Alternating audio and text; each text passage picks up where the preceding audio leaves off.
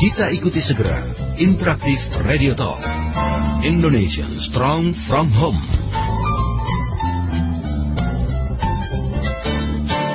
Indonesian Strong from Home bersama Ayah Edi, praktisi multiple intelligence dan holistic learning. Selamat mengikuti.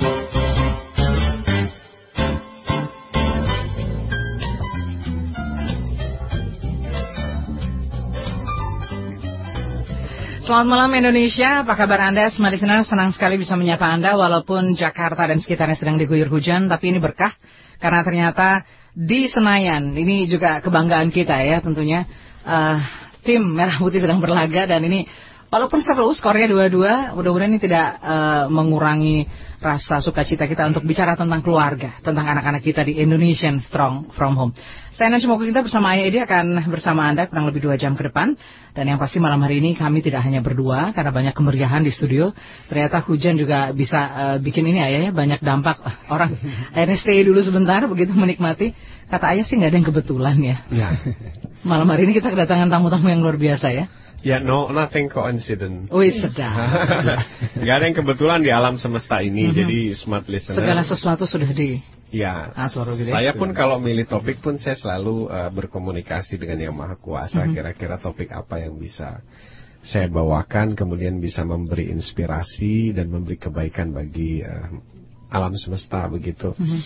Dan kemarin itu pilihan saya tuh jatuh pada uh, apa untuk mengangkat tema uh, jangan ajari anak kita untuk mencari uang, tapi ajarilah agar uang mencari mereka. Uh -huh. Ini adalah sebuah simbolisasi kalimat yang mencerminkan bahwa uh, kita itu punya power untuk mengatur uang, bukan kita diatur oleh uh -huh. uang.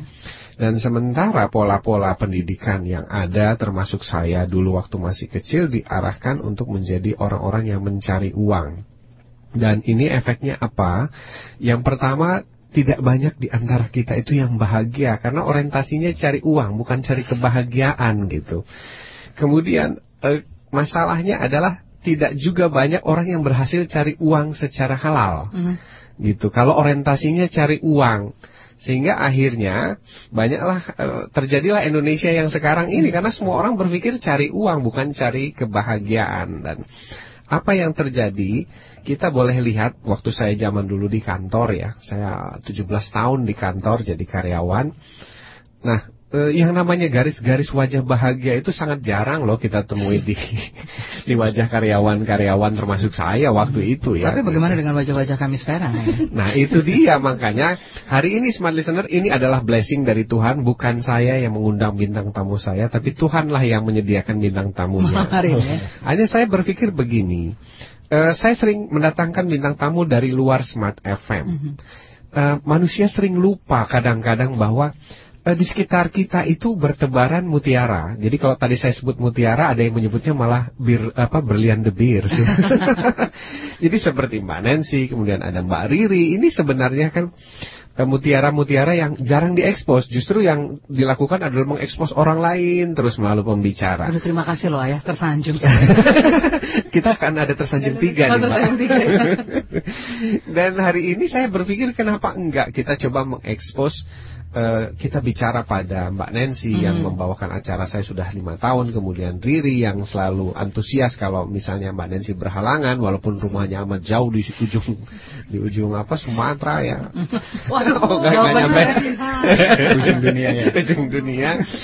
Nah, kemudian di sini juga kita punya uh, apa namanya Mas Andri ya. ya. Kenapa saya undang? Karena dua tahun yang lalu kita baru bicara tentang ini. Nih, topik hmm. ini, ini juga kebetulan ini Mas Andri bisa di sini itu sebuah keajaiban karena saya mau ketemu beliau itu sudah dua tahun janjian nggak pernah bisa. Ketemu ya, ya? Iya, akhirnya sibuk, hari penuh. Iya, hari ini akhirnya Tuhan yang mendatangkan dari Pekalongan ke sini kan, luar hmm. biasa ini. Tapi tadi tanpa batik ya dari Pekalongan ya.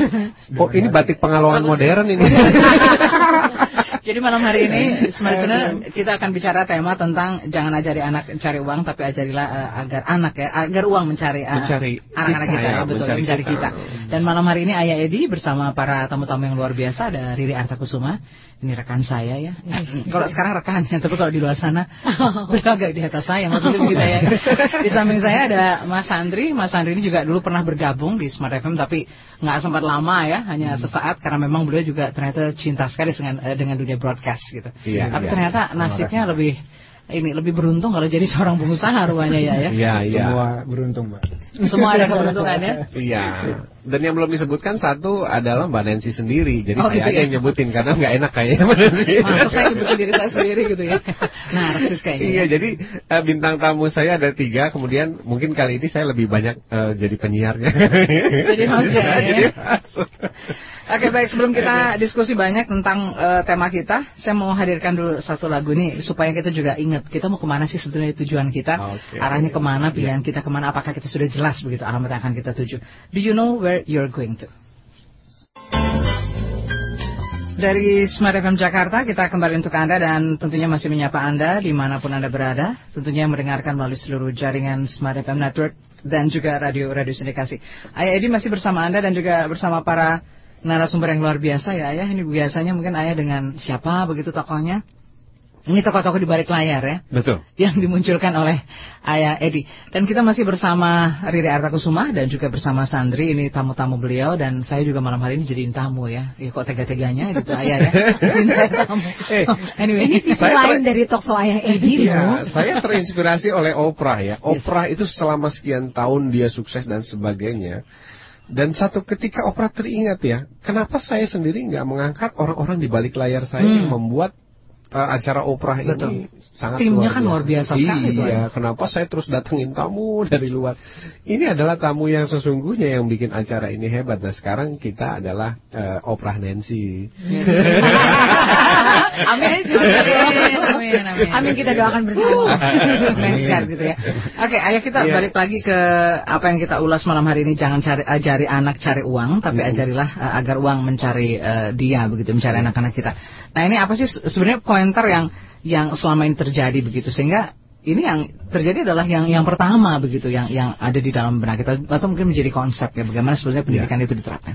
Nggak usah jauh-jauh deh kita bicara tentang saya ya mm -hmm. seorang ayah Edi gitu. Uh, saya selalu mengatakan bahwa saya bicara di sini adalah contoh orang yang jangan lagi dicontoh. Yes. Jadi apa yang terjadi pada saya dulu adalah saya mengikuti rumus kebanyakan orang-orang Indonesia yang menggunakan rumus money, money, money, happy. Jadi 3M, satu H. Satu H. Apa intinya? Carilah uang, carilah uang, carilah uang. Kalau banyak uang, maka kamu bahagia. Hmm. Dan saya melakukan itu. Karena itu doktrin yang ditanamkan, maka saya melakukan itu. Jadi pertama, uh, briefing kepada anak biasanya adalah sekolah yang pinter ya nak, hmm, biar pinter yeah. cari Wow. wow. jadi saya dulu juga begitu sekolahnya ya ya ya ya mungkin berusaha untuk jadi yang terbaik. Mm -hmm. Terus begitu sekolahnya selesai, terus kita cari lanjut kuliah ya. Iya. Nah, pesan kuliahnya juga gitu. Apa pesan kuliahnya? Mm-hmm. Nanti pilih jurusan yang gampang cari, cari kerja, cari, kerja, cari uang, cari uang. Ya. Bukan cari jodoh ya. nah, terus ujung-ujungnya begitu kita selesai kuliah, pesannya begini muncul lagi. Nanti nah kalau pilih perusahaan, pilih perusahaan yang besar biar gajinya besar. Dan itu terjadi, Mbak. It happen. Mhm. -huh. Jadi kalau kita memang meniati itu, bisa saja terjadi kalau uh, rumus-rumusnya tepat gitu. Mhm. -huh. Artinya uh, syarat-syaratnya memenuhi. Uh mhm. -huh.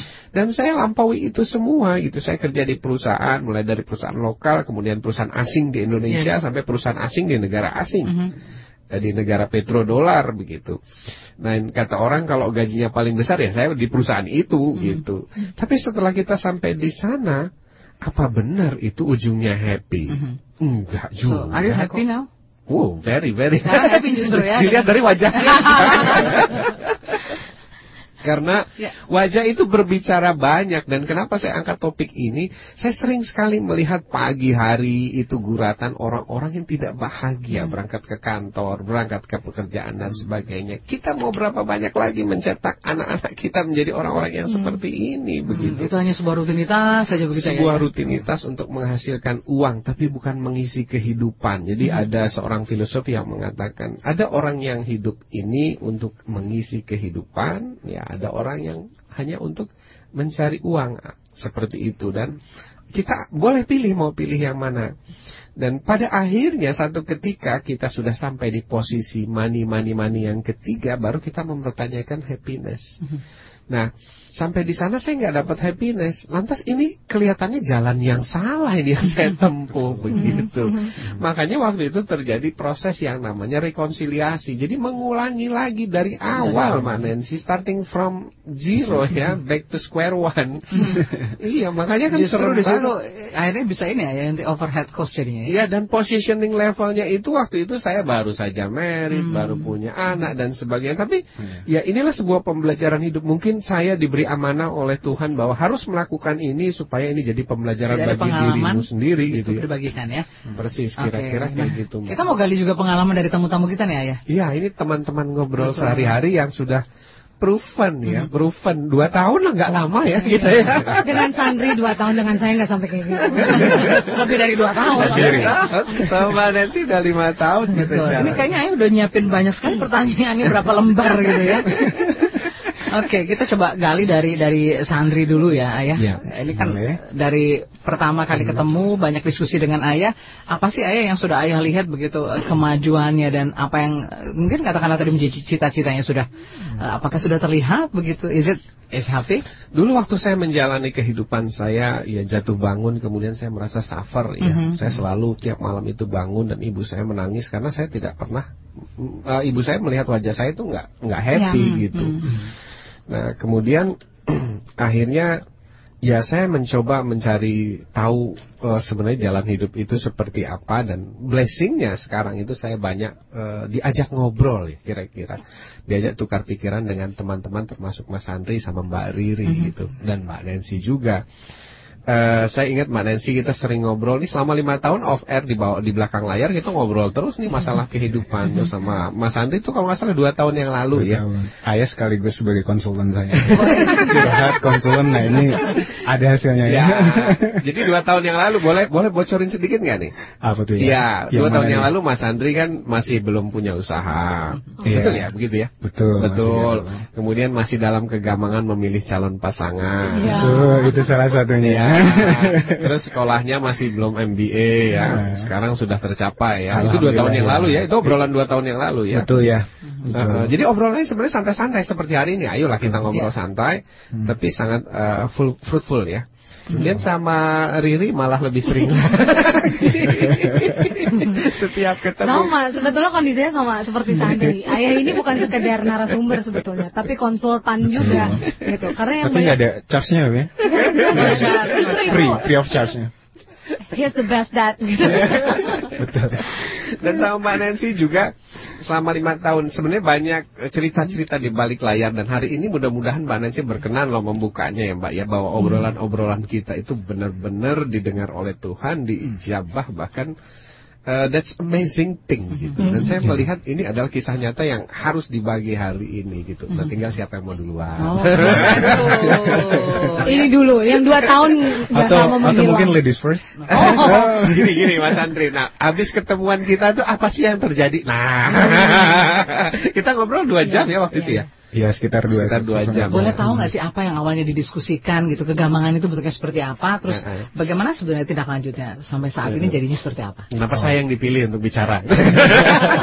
nah itu ya awalnya kok ketemu dengan ayah kan dikenal oleh Riri kan? Iya iya. Nah itu mungkin ya di sini Tuhan yang berbicara. Hmm. Kita ditemukan secara tidak langsung kan? Iya, iya. Nah, kenapa ayah sebagai konsultan juga, ayah juga seorang ayah juga saya bicara dengan ayah kan? Iya, betul. Nah, itu bukan keinginan saya untuk mencari ayah. Hmm. Ya, ya memang tadi alam semesta sudah mendukung ya. Mendukung. itu sudah diatur.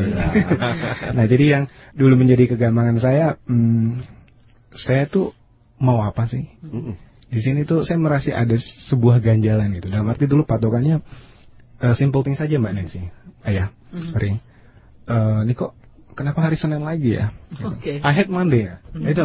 Jadi kalau kita berpikir hari Senin kita berpikir, wah ini I hate Monday, aduh Senin lagi Senin lagi. Nah itu sebagai bisa dibilang sebagai indikator kita kalau kita tuh belum bahagia gitu. Mm -hmm. Nah kalau udah setiap hari Senin, wah ini hari Senin nih, wah hari Selasa, wah kalau tiap pagi kita bangun seperti itu, nah itu sebagai indikatornya kita sudah menemukan kebahagiaan kita. Hmm. Nah, kalau setiap hari Senin itu, wah, aduh Senin lagi, aduh katakanlah kantor lagi ah ada urusan yang lagi. Ini dua, nah, itu dua tahun yang lalu ini ya. Dua tahun.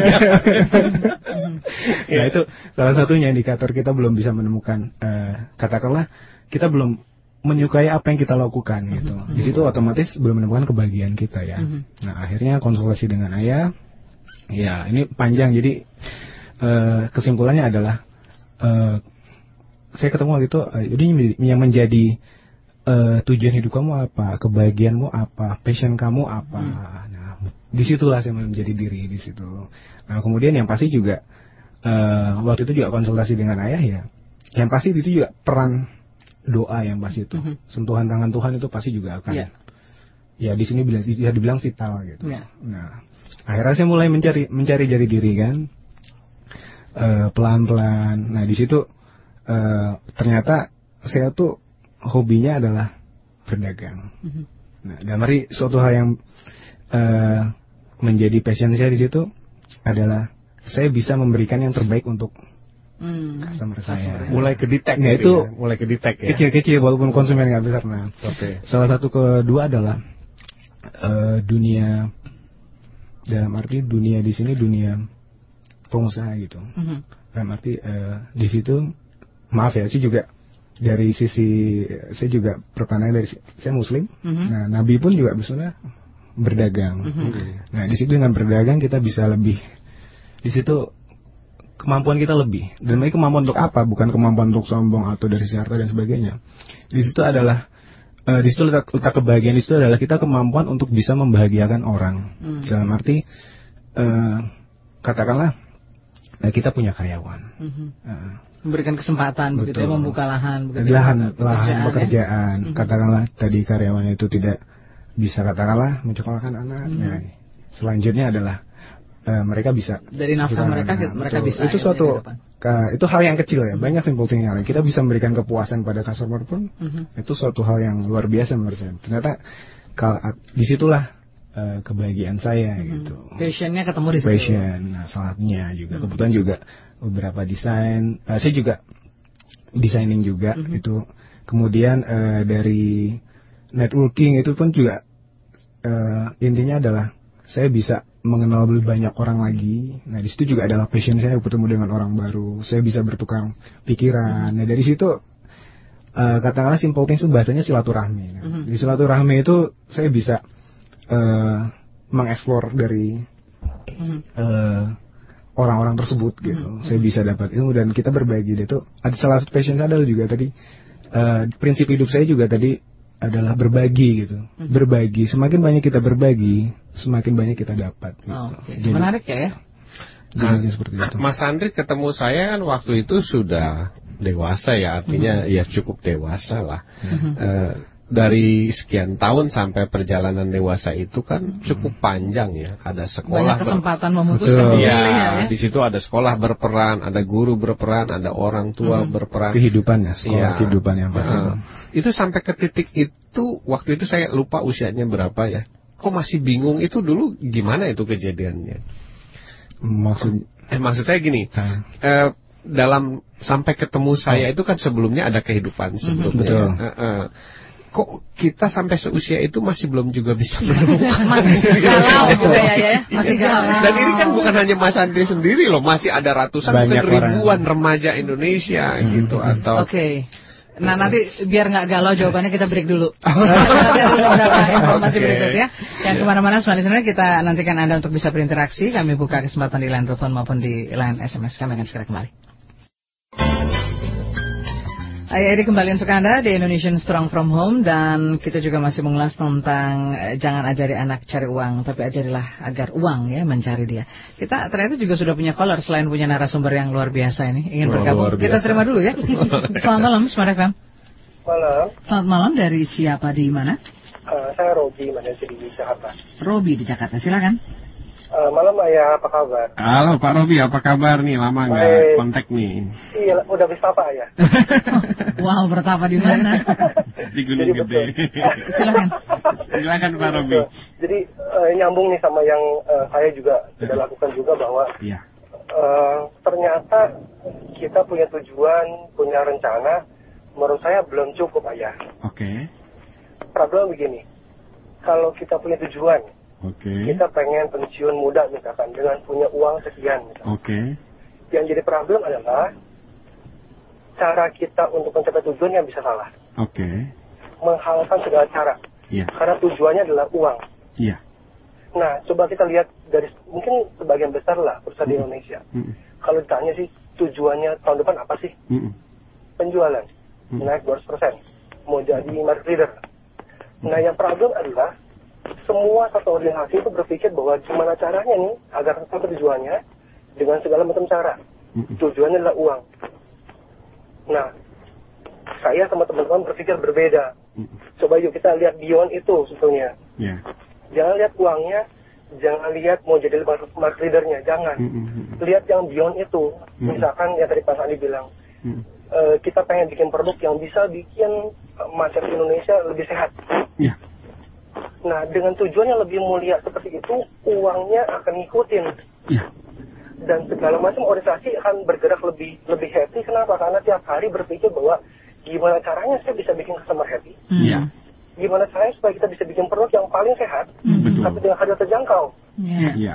Gak ada tuh hari yang di mana bilang beban, bangun tidur beban. Gak ada. Ya. Karena semua punya tujuan di mana beyond uang. Iya. Nah itu ayah yang bilang, aduh, kok saya nemuin gitu tuh jadi wah gitu loh. Nah sebenarnya ini saya mau share sama teman-teman semuanya bahwa yeah. jangan cari uangnya, mm-hmm. cari beyond uangnya apa tuh kita pengen itu. Oh, Oke, okay. bisa bilang value kali ya. Value-nya yang lainnya ya. Iya, iya, iya. Iya, luar biasa Pak Robi. Terima kasih. Terima kasih banyak nih Pak Robi. Ya. Selamat malam, sukses untuk Anda. Iya, udah Baik. udah gimana nih Pak Robi? Udah lama nih kita nggak ketemu. Oke, ini tadi uh, sharingnya luar biasa ya. Yeah. Setidaknya ini menambah semangat kita untuk uh, terus bisa berbagi bahwa yeah. ketika kita bisa melakukan sesuatu itu terbaik walaupun dari hal yang kecil, tapi nanti sampai pada tujuannya itu, waduh, hasilnya luar biasa ya ya. Yeah. Bukan hanya happy tapi duitnya nanti ngalir sendiri ya. Iya. Yeah. Nah itulah yang pada akhirnya saya dikasih kesempatan oleh Tuhan untuk bertemu oleh eh, dengan orang-orang yang luar biasa. Hmm. Waktu itu saya eh, sempat bekerja di perusahaan impian saya dengan ya. gaji impian saya dan wow. di negara impian saya. Di mana gitu. itu ayah dan berapa sih boleh tahu nggak? ya tiap orang punya impian, jadi silakan boleh bayangkan impiannya. gitu ya. Nah eh, justru di sana saya tidak mendapatkan kehidupan yang saya impikan atau pekerjaan apa namanya happiness yang saya mm-hmm. impikan dan di sana justru pembelajaran itu dimulai dimulai bahwa ternyata saya dapat ketemu orang-orang sukses yang mengajarkan bahwa e, rumus kita itu keliru besar gitu. Kenapa kelirunya? Ternyata orang-orang yang benar-benar sukses itu rumusnya bukan M M M M H, tapi hmm. mereka gunakan HTEM hmm. gitu. Yang pertama apa? Temukan dulu your happiness. Apa aja, bidang apa aja yang membuat kita happy, antusias, passion gitu. Kalau mau berangkat tuh udah geringgingan. Aduh, gue mau siaran nih. apa Tanya Mbak Nancy itu, kita nggak pernah ketahuan kita lagi sakit di, di meja siar. Paling kalau udah siaran baru Mbak Nancy, saya mau duluan nih badannya lagi. jadi I like Monday ya. Iya. Nah, jadi happy dulu. Seperti Mas Andri, kemudian Mbak Riri nanti kita coba ngobrol ya tentang rumus ini nih. Mbak Riri happy, kemudian. Nah, kalau kita sudah happy, nah itu yang saya mulai dulu, happy. Uh, Pak Robi menyebutnya beyond ya, sesuatu yang di luar jangkauan kita. Yes. Nah kemudian kalau kita sudah happy maka akan muncul yang namanya all out totalitas, totalitas. Yeah. Jadi nggak usah pakai disuruh-suruh, nggak usah pakai ditekan-tekan, nggak usah pakai diancam-ancam, nggak usah pakai asensi gitu ya. Pakat saya. Iya. hari adalah kebahagiaan ya. Setiap hari adalah kebahagiaan gitu. Jadi model-model absensi yang diubah dari kartu ceklok menjadi sidik jari itu kan sebenarnya upaya untuk yeah. mendisiplinkan, tapi tidak pada esensinya. Esensinya itu buatlah manusia itu bahagia gitu. Jadi nggak usah pakai namanya dan absensi yang pakai sidik jari mereka akan nggak bolos gitu. Totalitas. Kemudian kalau kita sudah totalitas, setiap hari kita mikirkan itu, fokusnya ke sana. Masa iya sih nggak jadi yang paling hebat? Nggak jadi gitu? expertnya. Iya paling expert di sana. Dan saya jamin siapa pun yang paling expert, siapa pun yang servisisnya paling bagus, siapa pun yang paling oke, pastilah itu akan diikuti oleh Dicari-cari ya. ya? dicari-cari dan uang itu datang mencari kita Iya. gitu dan bahkan kita jatuhnya tuh nolak-nolak milih gitu mana nih yang mau kita ambil mana yang kita tolak mana yang sesuai passion kita nah ini terjadi. Jadi dua antitesis ini terjadi dalam hidup saya yang usianya sekian ini begitu. Nah saya cuma punya mimpi bahwa ini mestinya terjadi harusnya lebih muda lagi dari usia saya. Kalau teman-teman dan masyarakat kita ini tahu. Dan waktu itu obrolan inilah yang saya sampaikan kepada Sandri, kepada Mbak Riri, kepada Mbak Nancy seperti itu. Dan eh, ya akhirnya dalam dua tahun ya kita lihat saja nanti ngobrol langsung saja apa sih eh, efek dari perubahan cara berpikir. Oke, di sebelah saya masih galau. Jadi kalau gitu kita dengerin dulu ya. Kita dengerin dulu nih. Oh, Ini sebenarnya saya agak-agak ini kan soalnya menghadapi sang expert juga di rumah. Belajar dari sang guru. nah. Gimana nih? Apa? Sharing Oh, mau dong. sharing. Riri sendiri Iya. apa ya? Ri- Riri berapa lama ya waktu itu terakhir ngobrol sama saya Ria? Em, di kegalauan Riri gitu. eh, tiga tahun tiga tahun Tiga yang lalu. Pokoknya yang lalu. ya setahun sebelum ketemu Sandri lah. Oke. Saya kalau dihitung-hitung di Smart FM ini, wah kalau dibandingkan dengan Ibu Nancy gitu ya, eh, itu Riri eh, baru empat tahun lah gitu Baru artinya. tahun, iya.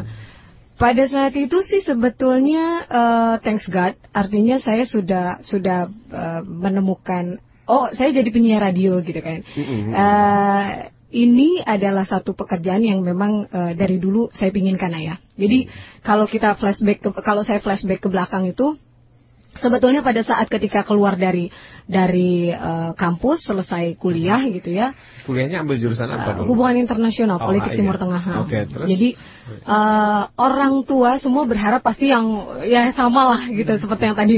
uh, You know lah what I mean. Iya, you know lah what I mean. Anak muda banget gitu. Oh, pinginnya uang dengan gaji yang oh, oke.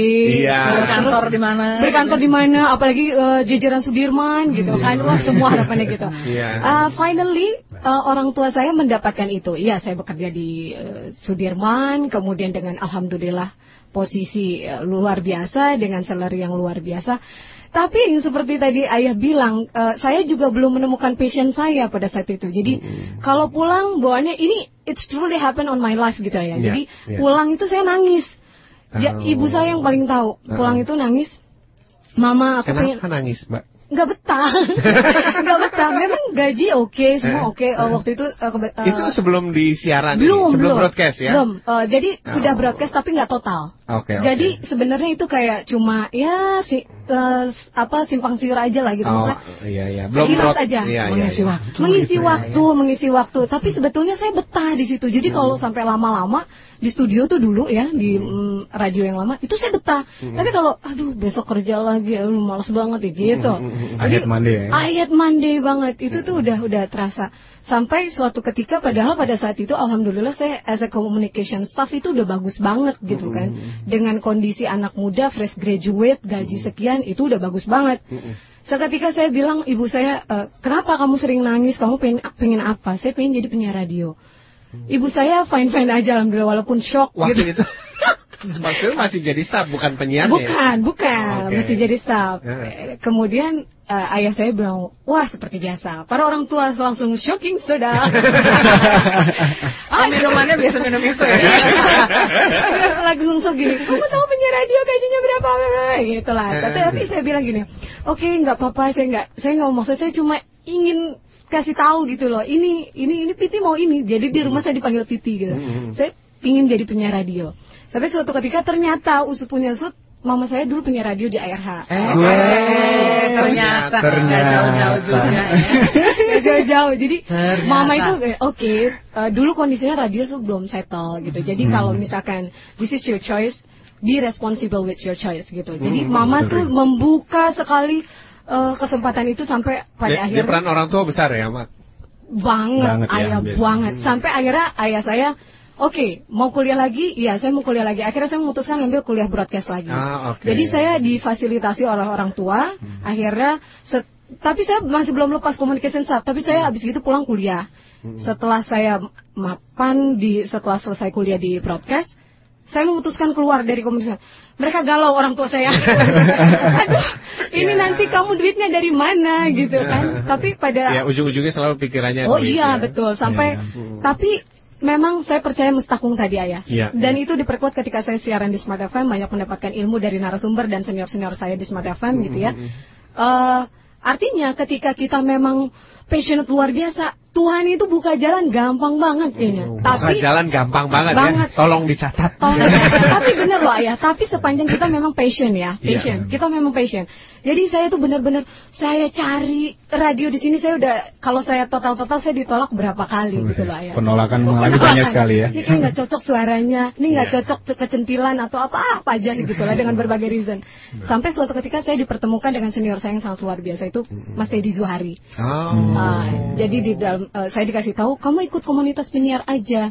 Dari situ beliau kasih kesempatan kepada saya untuk memperkenalkan ke Smart FM. Mm-hmm. Dan saya bilang sama ibu saya, saya nggak mau lagi jadi penyiar radio yang uh, abal-abal gitu, nggak mm-hmm. cuma ya yeah, gitu dong. Mm-hmm. Tapi saya mau benar-benar jadi broadcaster. Mm-hmm. Dari situlah jalan akhirnya mempertemukan saya dengan Smart FM dan dipertemukan dengan uh, Mbak Nancy yang senior saya yang artinya akhirnya banyak nempak gitu kan. Yeah, yeah, yeah. Di situlah saya jadi dan Ya itu akhirnya jalan kebuka dari mana akhirnya saya punya target, saya punya rencana, saya mau jadi public speaker, saya mau jadi ini, jadi, itu kebuka dengan sendirinya. Wow.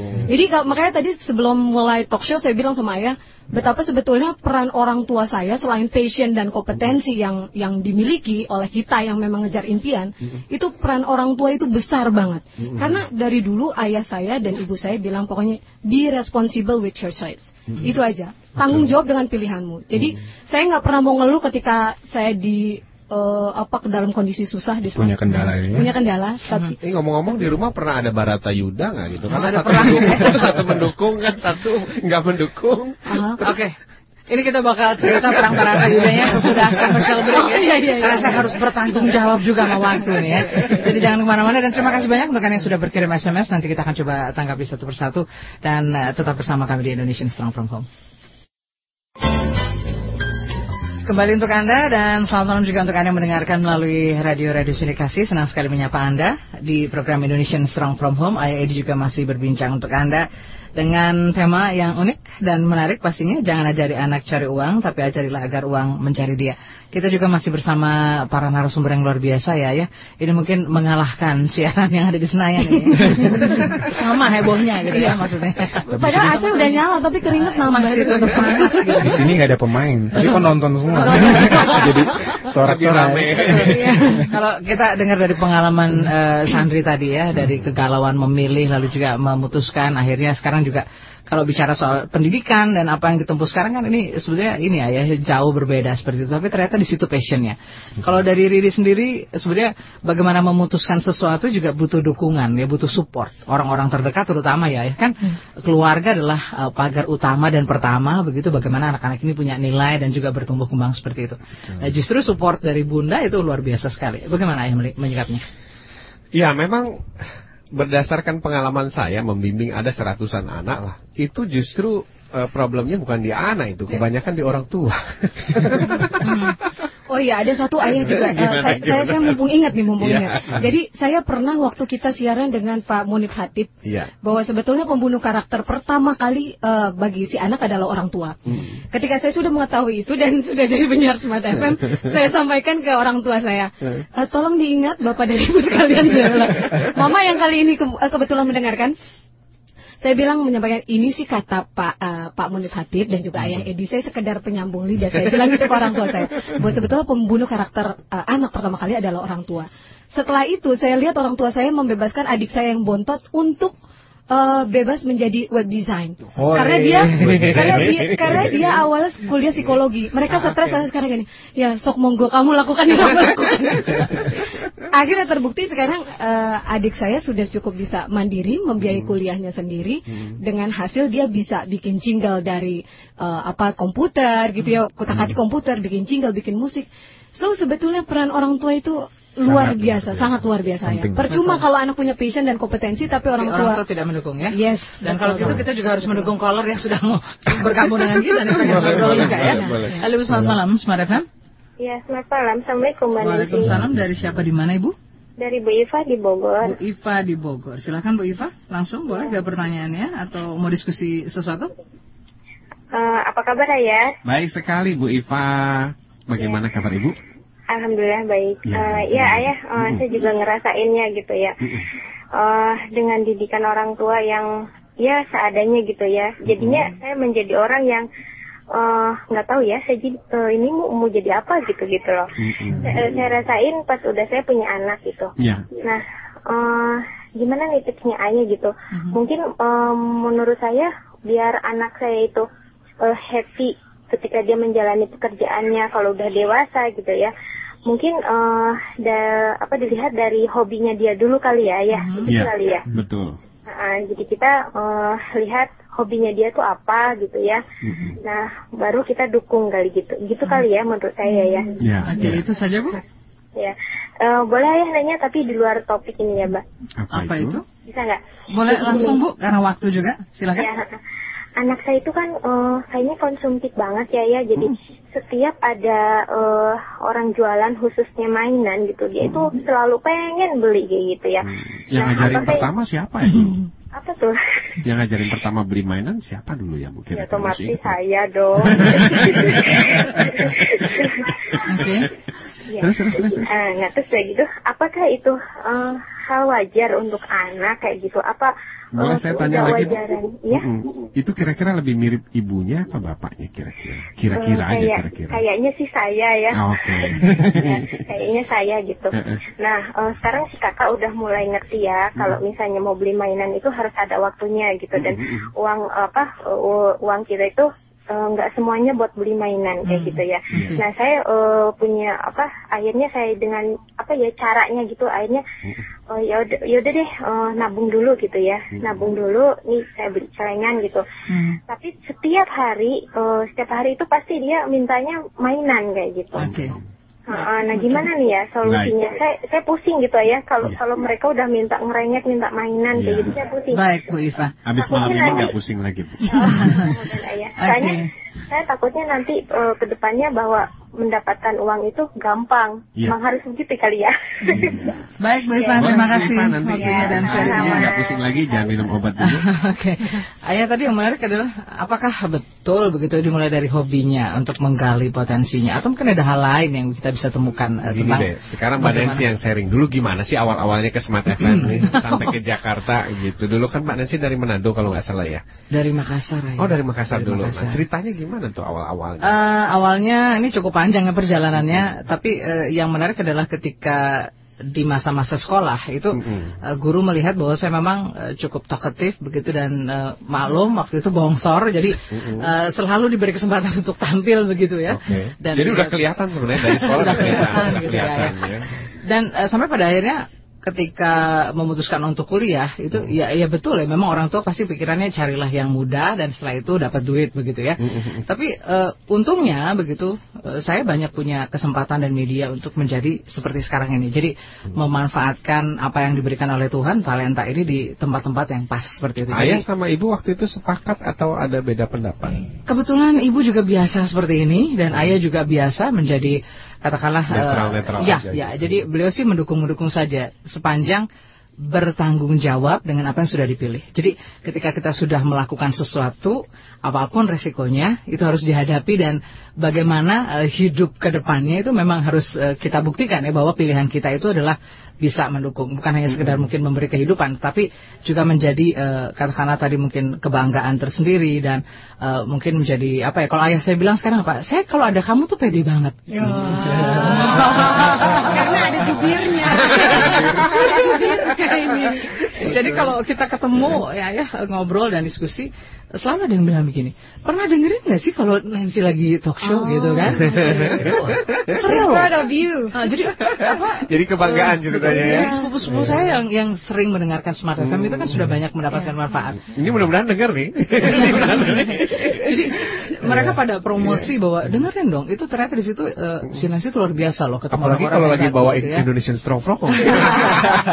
ketemu orang-orang yang luar biasa dan hebat. Dan itu juga buat saya ini ya ya ini satu berkah yeah. ya. Memang tidak ada yang kebetulan begitu. Yeah, yeah. Uh, setiap mimpi-mimpi kecil saya itu sudah terwujud dan yeah. mulai. Tapi hmm. yang paling penting adalah yang menarik kalau saya boleh belajar dari pengalaman itu, hmm. orang mungkin sulit untuk berproses. Hmm. Karena di situ kan pasti butuh waktu, ya. butuh kesabaran, ya. butuh ketekunan. Nyali. Ya, nyali, yang nyali. Nyali, ayah bener banget. Iya. Karena nah, aku sampai keluar itu. Faktor terbesar tuh nyali, uh -huh. terus yang kedua alasannya uang nggak jauh dari iya, itu iya. biasanya. Betul, iya. Kehilangan uang yang sudah pernah kita dapat mm -hmm. jumlahnya sekian itu dalam banget. Kalau bener ya bener. Dan ada perasaan khawatir ya, apa ke depannya saya masih bisa memperoleh kenyamanan ini ya, sebelumnya? Itu zona nyaman ya. Di situlah pada akhirnya Mas Andi saya masuk aliran spiritual. Sampai rupanya, bukan aliran sesat ya. rupanya ini perbincangan yang menarik sekali. Itu juga sudah punya penelpon lagi. Oh, Nanti okay. kita coba boleh, boleh, uh, boleh. sapa dulu. Selamat malam, Smart FM. Iya, selamat malam. Dari siapa di mana Ibu? Dari Bu Emi Balikpapan. Bu Emi di Balikpapan. Ibu iya. boleh langsung saja karena kita mepet sekali waktunya. Silakan iya, Ibu. malam Ayah, malam Mbak Nensi. Selamat, Selamat malam, Ibu Emi. Uh, ini Ayah saya bingung nih. Mm -hmm. Soalnya saya punya apa punya anak, mm -hmm. dua jarak umurnya dekat sekali, gitu. beda dua tahun dua bulan. Mm -hmm. Terus saya seharian kan ngurusin anak, iya. suami saya mm -hmm. uh, dinas di luar kota. Oke. Okay uh, gimana ya cara ngurus anak ya? Uh, hmm. maksudnya saya suka ngelarang, uh, uh, ibaratnya saya sudah membunuh karakter dia lah ya. Cuma hmm. ya. Wah, terima kasih banyak Bu. Kesadaran itu setengah jalan menuju sukses. Oke, okay. ya. baik nanti kita diskusikan Bu Emi. Terima kasih teleponnya. Terima kasih ya. Oke, okay. ya. sukses ya. untuk keluarga dan untuk Bu Iva juga di Bogor harus bersabar dulu ya. ya. Karena kita harus lewatkan beberapa informasi karena Mas Bo juga udah kasih tanda ke saya gitu. saya harus ini Silent juga. Code. Salah satu mungkin yang yang membuat kita bisa sukses adalah kita juga harus patuh gitu. Ada beberapa hal yang memang itu juga jadi rule ya. ya. Jadi uh, apa namanya? Hukum alam semesta. Betul, tatanya gitu ada ada tatanya. Baik, jangan ke mana-mana sebenarnya kita masih akan kembali untuk Anda tetap bersama kami di Indonesian Strong from Home. Indonesian Strong from Home sesaat lagi akan segera kembali.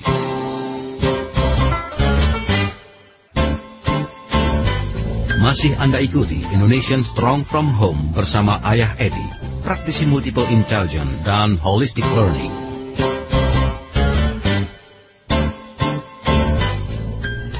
Dari Smart FM Jakarta kita masih bersama Anda dan setiap Selasa malam dari pukul 20 hingga 22 kita hadirkan program Indonesian Strong From Home bersama Ayah Edi praktisi pendidikan berbasiskan multiple intelligence dan juga holistic learning. Dan malam ini tema kita masih mengulas tentang jangan ajari anak cari uangnya, tetapi ajarilah agar uang itu mencari dia.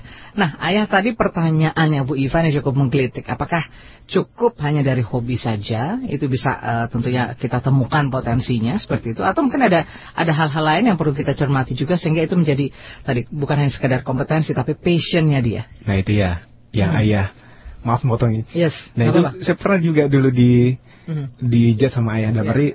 maksudnya berdasarkan jasman beliau. Uh-huh. Uh, kan dulu background saya memang IT mm-hmm. satu. Uh, San kamu nggak cocok depan Begitu komputer aja. langsung bilang gitu ya. Kamu cocoknya bukan di situ. Terus apa ya? Ya kamu seperti tipe-tipe yang bertemu banyak orang. Ya kebetulan dan di situ juga saya adalah salah satunya marketing ya. Mm-hmm. Networking. Nah, kemudian juga Bisa akhirnya yang waktu itu saya bilang ya. Nah, betulnya akhirnya finally saya juga merenung merenung dan akhirnya memang passion saya salah satunya ya nggak berkaitan dengan intinya berkaitan dengan bisnis gitu. Salah satunya memang marketing. Dan kemudian saya ngambil S2 memang alhamdulillah saya juga menuntaskan dengan ya MBA ini ya. Hmm. itu salah satu passion saya dan ya. S2 saya pun juga dalam arti menjalankan juga dengan senang hati gitu hmm. itu ya mungkin selain hobi ya mungkin ada indikator atau hmm. apalagi sampai ayah men menjudge oh kamu nggak cocok ini hmm. di depan komputer saja gitu ya. Jadi sebenarnya signal-signalnya itu udah dimiliki. Manensi Sandri sama Riri itu udah punya signal-signalnya ya bahwa dia itu menyukai apa. Hanya sering kali tradisi tradisi Indonesia itu alat ukurnya kan uang. Hmm. Kalau menyukai broadcast berapa sih uangnya gitu. Hmm. Jadi semua diukur pakai uang ya. gitu. Ayah aku mudah-mudahan gak dengar ya. nah kemudian kalau Sandri misalnya bicara tentang kepastian, kepastian pekerjaan, itu kan kalau orang-orang komputer IT kepastiannya tingkatnya tinggi. Yeah. Saya kawan-kawan saya selalu bilang gitu, masuk aja IT nanti lu bisa kerja di Jerman, hmm. bisa kerja Betul, di ya. Betul ya. Iya betul gitu kan? Betul. Saya dulu waktu kita ngambil keputusan S1 seperti itu hanya ikut-ikut aja. Oh kok banyak. Ya udahlah gua. Cuman nggak tanpa menganalisa diri saya lebih dalam lagi. Iya. Sama dulu kawan-kawan saya juga ngajakin semua masuk IT kan. Kenapa? Kalau IT enak loh bisa kerja di mana-mana karena bahasanya sama. Nanti kalau kerjaan lain loh pindah negara harus nyesuaiin bahasa, harus nyesuaiin sistem dan sebagainya. IT kan nggak bahasanya sama. Kalau kobol kobol gitu. Kalau ini basic basic kan begitu sama mau di negara mana pun. Makanya movingnya gampang. Nah, uh, saya karena saya memang mencintai dunia pendidikan gitu. Jadi akhirnya saya belajar dari mana pun dan apa pun. Nah, uh, karena faktor-faktor saya mencintai itu akhirnya tumbuh yang disebut sebagai intuitive talent. Nah, bukunya itu ada namanya The Blink. Ya. The blink. The blink hmm. itu adalah mengasah kemampuan dalam dua detik untuk melihat seseorang. Oh, dua detik saja, tak tak gitu. Hmm. Dua detik. Nah waktu itu sempat tahun yang rame-ramenya bom Bali itu saya mau buat pelatihan sebenarnya. Hmm. Nggak usah pakai detektor yang hmm. pakai di sodok-sodok. Nggak usah pakai gituan. Sebenarnya dalam dua detik kalau kita latih itu para security dan anggota-anggota lainnya itu mereka bisa mendetek loh orang ini bawa bom apa enggak. Itu di Amerika ditunjukkan dalam filmnya itu The Blink ya. Mm-hmm. The Blink bagaimana seorang uh, apa namanya pabean-pabean biaya cukai Amerika itu dilatih untuk melihat nih bawa narkoba apa enggak itu mm-hmm. orang gitu.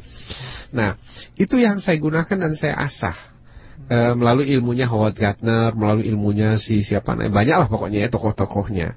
Terus yang kedua, karena uh, misi yang saya bawakan ini kan pendidikan. Pendidikan itu kan tanggung jawabnya besar ya sama Tuhan. Hmm. Jadi bukan tanggung jawab pada departemen apa pun. Saya bertanggung jawab sama hmm. Tuhan. Kalau saya salah maka generasi ke depan salah dan itu Tuhan akan tanya, "Eh kemarin kamu bilang apa sama para orang tua sampai anak-anak mereka diarahkan ke sana?" Digantung saya sama Tuhan kan. Makanya Hmm. Makanya pada saat saya mulai menyentuh dunia pendidikan, saya mendekatkan diri pada Tuhan melalui jalan spiritual ya. Spiritual itu lebih relatif individually ya. Hmm. Jadi kalau agama kan harus begini, harus begini, harus begini, agama anu begini. Hmm. Kalau spiritual itu lebih ke individually bagaimana kita menerjemahkan hubungan baik kita sama Tuhan. Hmm. Dan saya lakukan itu setiap hari. Jadi kalau saya katakan di Smart FM habis pulang siaran itu tanya istri saya nggak pernah tidur itu saya selalu mengevaluasi tadi saya ngomong benar gak sih gitu. Nah itu saya lakukan dan setiap hari saya uh, lontarkan kepada Tuhan, saya lempar ke atas supaya Tuhan merespon. Dan alhamdulillah uh, melalui kegiatan itu setiap hari, maka saya punya sensitivitas. Waktu itu saya ketemu Mas Andri, ngobrol. Biasanya kalau pertemuan pertama itu setengah jam orang yang ngobrol saya dengerin saja mhm. dari gayanya, dari caranya, dari apanya. Langsung saya tembak der gitu.